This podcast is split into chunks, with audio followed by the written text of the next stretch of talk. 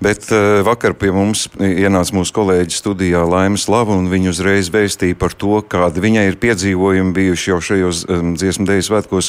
Un šobrīd mums pievienojusies Anda Bušvica. Labrīt, Anda! Aicināt. Arī izskatās, ka gulēts ir maz varbūt, bet kokļu skaņas, kā vienmēr ir teikuši, tās mūs savieno pa taisno ar debesīm un pašu dieviņu. Tu piedzīvoji vakar kokļu skaņas. Taisnība, taisnība. Tu ar laikam piedzīvoji. E, un kā vēl? Dziesmu un dēļu svētku programmā kokļu mūzikas koncerti plānoti trīs, un divi no tiem tātad izskanēja vakar. Gaismas dārsts Rīgas domā rādīja koncertu koklis skanējumu to meditatīvo, garīgo pusi, arī varbūt ļāva iepazīt latviešu komponistu rakstītos skaņdarbus tieši koncertu koklēm.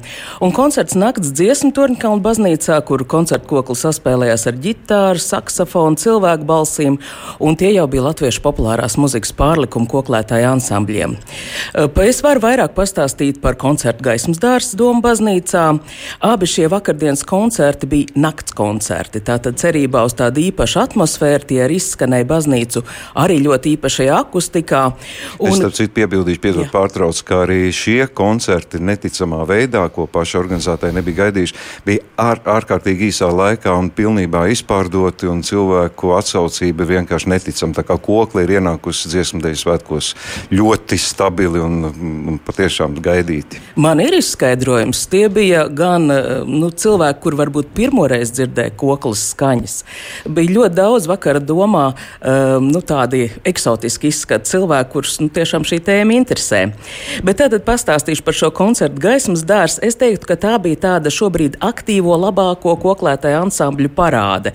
Eh, koncerta tas saturs bija tāds, ka katrs no ansambļiem vai apvienojoties spēlē kādu skaņdarbu, un tad beigās visi visi kopā valda zilvera e, zvanu skaņas.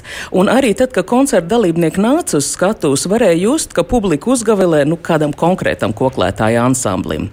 Es domāju, ka šai e, programmā e, tās mākslinieckā vadītāja bija Anna Eglīte, bija iecerējusi parādīt koncertu koklis, nu, tos dažādos skanējumus, cik dažādi var saspēlēties kokle. Gaismas dārsts koncerts sākās ar Imants Zemzara gaišo mūziku, turpinājās ar Viļa Salāku kompozīciju, kas savukārt ir koncertu kokļu mūzikas, nu, tāda absolūta klasika. Raimonds Tiguls, kas savukārt uzsver nu, to saspēli ansamblī. Ļoti interesants bija fragments no Vits Rudušas komponētas skaidrītas kalupas pasakas, eh, kur koklis savukārt kļuva par tādu tā kā filmas skaņu celiņu. Bija arī divi kompon, uh, pirmatskaņojumi, komponists Austriņas uh, skaņdarbs patiešām ļoti sieviešu korim un uh, Jā, e, e, tātad skaņdara nosaukums Mēnestiņas ceļu brauc, tā ir latviešu tautas dziesma, koklētāja ansamblim Skandīne un arī vecumnieku sieviešu korim. Un, uh, patiešām skaists skaņdarbs, bet nu, varbūt bez pārsteigumiem. Bet pārsteigums bija koncerta vienojošais valdes zilvers skaņdarbs, kur izpildījumā apvienojās visi uz skatuves esošie koklētājs ansambļi. Tātad zvanu spēles, un šim skaņdarbam bija veikta redakcija, iekļaujot arī Ilonas Birģēlas ērģeļu solo. Skaņdarbs bija iecerēts kā kulminācija, es saku, ka kulminācija izdevās, un to mēs dzirdēsim arī skatītāju viedokļos. Tātad Silvija, Māris, Gunta un Ilpo. ļoti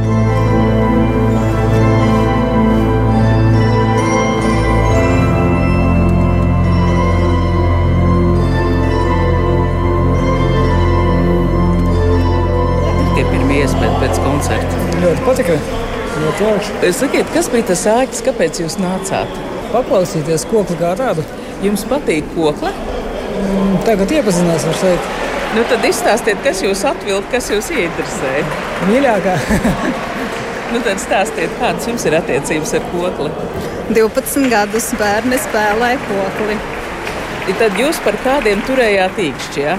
Protams, jā. Kurš bija tas uh, kolektīvs? Dzītariņa, Babītas mūzikas skolas. Sakiet, kurš skaņdarbs varbūt jums atstāja tādu lielāku iespaidu? Paši pēdējie beigās. Valds Zilvērs skaņdarbs, kas ar ērģelēm kopā izskanēja. Jā, tas bija grandiozi. Nu, tas tā. Bet jums kā kokļu pazinējai, kurš varbūt jums aizķēra interesi? Nu, protams, savu kolektīvu par, par to jau ir dzirdēts. Pasakiet, ko viņi spēlēja? bija Lauras Iekapsonis gabals. Man patīk muzikālā pasaka. Katrā skaņdarbā bija kaut kas, kas uh, piesaistīja uzmanību, kokļu skanēšanas daudzveidība. Tā man pārsteidza. Ļoti interesanti. Jo mēs pirmo reizi tādu veidu koncertā. Bet kas jūs atrunāja uz šo koncertu? Koklis skaņas? Koklas skaņas, jā. Siinä mielessä tämä oli niinku erikoinen, että musiikkikin oli aivan erilaista. Suomia. Somijā. Jā. Tad izstāstiet savu stāstu. Jūs nesat šajienieši.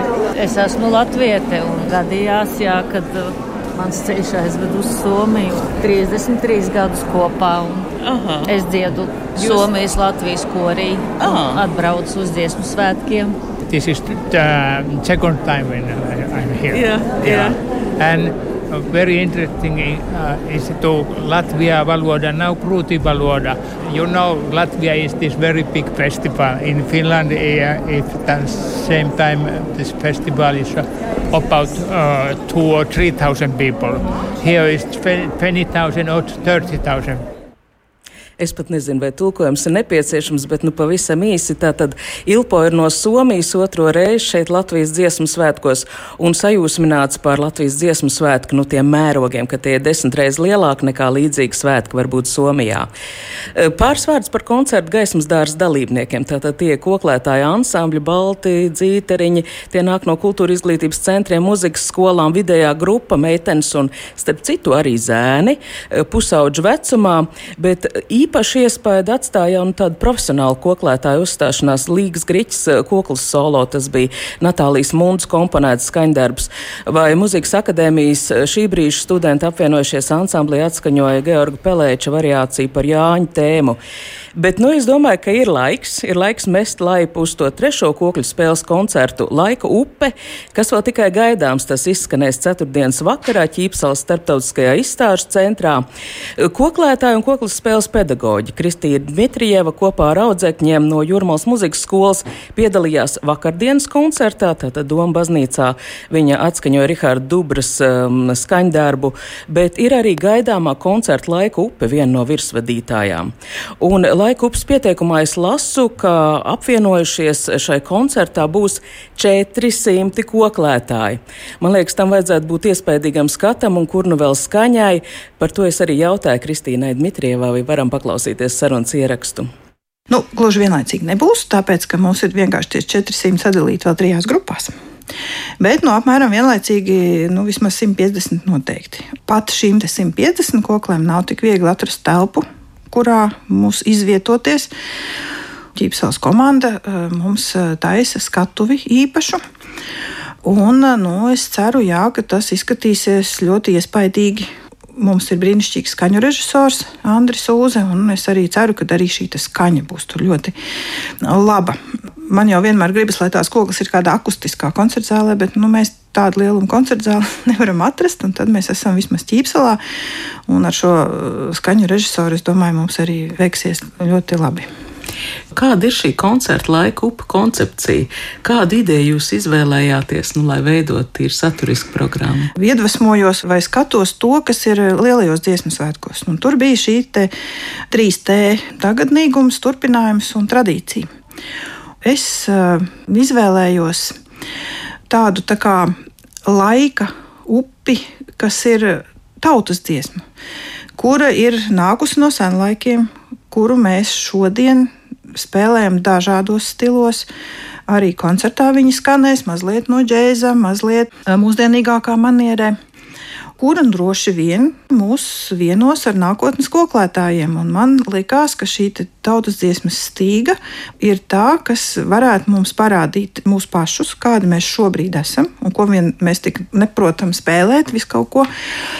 Un mazliet atskatīties arī pagātnē un tradīcijā, un tādu, nu, tādu tā kā, pamatu ielikt nākotnē. Sakiet, koklētājiem ir vispār ko spēlēt? Komponists raksta? Nu, raksta, jā, mums taču notiek arī starp dziesmu svētkiem daudz un dažādi kopdarbu pasākumi, un uz katriem šiem pasākumiem mēs vienmēr aicinām komponistus radīt mūziku. Mums jau ir kāds pūrs iekrājies, ir gan Riharda Dubras, gan um, pat Jančevska, uh, kādi skaņdarbi, Valta Pūces, ļoti daudz skaņdarbu mums ir jau, un Lipors, uh, Laura Jēkabsone, ļoti daudz, jā. Es vienkārši skatos, kā arī šis koncerts laika upe, nu ir iespēja tikt pie jauniem skaņdarbiem. Jā, nu, to mēs vienmēr ļoti gaidām. Šos jaunos darbus, jo tā kokla ļoti strauji attīstās un arī mūsu prasmes attīstās. Varat paraksturot šos jaundarbus? Būs eh, tātad divi jaundarbi - Aigara Raumaņa gaismu austa, un šajā skaņdarbā klāt vēl mazliet būs elektronika. Un um, arī mm, marimbas spēlētājs. Un šī ideja ir, ka mēs aužam, aužam gaismu. Es domāju, ka Aigars ir izveidojis nu, ļoti interesanti šo ideju. Mums tur būs 16 balsīgs kanons. Nu, tā īsti jau to tā nevarēs saprast, bet mēs tiešām tā pilnīgi varam izjust, kā mēs to gaismu aužam. Un mums būs šim tieši skaņdarbam diriģents Artūrs Oskars Mitrēvits nu, tas viņam piešķir nu, tādu vīrišķīgāku skanējumu ja, tam visam eh, skaņdarbam. Un eh, savukārt mēs, četras virsvadītājas, tur spēlēsim tā katra pa tādam mazam solo fragmentiņam. Kā ideja ir tāda, ka mēs esam tās, kas eh, vedam tos koklētājus uz nākotni. Un savukārt Valta Pūtas jauns rīts arī ir īpaši šim koncertam rakstīts, jo koncerts iesāksies ar Valta Pūtas rīta gaismā. Un šis ir atsauce uz šo skaņdarbu, lai mēs būtu noslēguši apli un varam atkal iet tālāk. Es domāju, tur vajag nākt, klausīties un skatīties, lai sajustu to emocionālo kodu, kas būs šajos skaņdarbos, abos divos. Mēs šobrīd arī dzirdēsim nelielu fragment no stāstītās laika upes, bet eh, kas vēl piebilstams par kokliem? Nu, man mazliet žēl, ka vakardienas koncerti netika ierakstīti, netika translēti, bet šis koncerts laika upe, tātad ceturtdien, kurš būs, tiks translēts gan sabiedrisko mēdīju portālā, gan Latvijas Rādio 3 klasika, gan arī ir laika nobīde 7. jūlijā Latvijas televīzijā. Mhm, tā kā sekosim līdzi arī mm, vizuāli, es gan e, pēc liecības no Tornkalna baznīcas biju liecinieks, ka to iefilmē, un viņas noteikti to koncertu rādīs, un ja drīkst vēl piebilst, ka es biju liecinieks tam, ka jaunās paudzes koklētājas, gan jāsaka, nebija neviena puika, bet viņas muzicēja mūsdienu mūzikas žanros ar populāriem roka grāvējiem. Un tad, kad es izdzirdēju dzimto valodu līvi, tad es neticēju, vai tas ir iespējams, bet tas tiešām ir iespējams. Tā kā sekosim kokļu muzikai.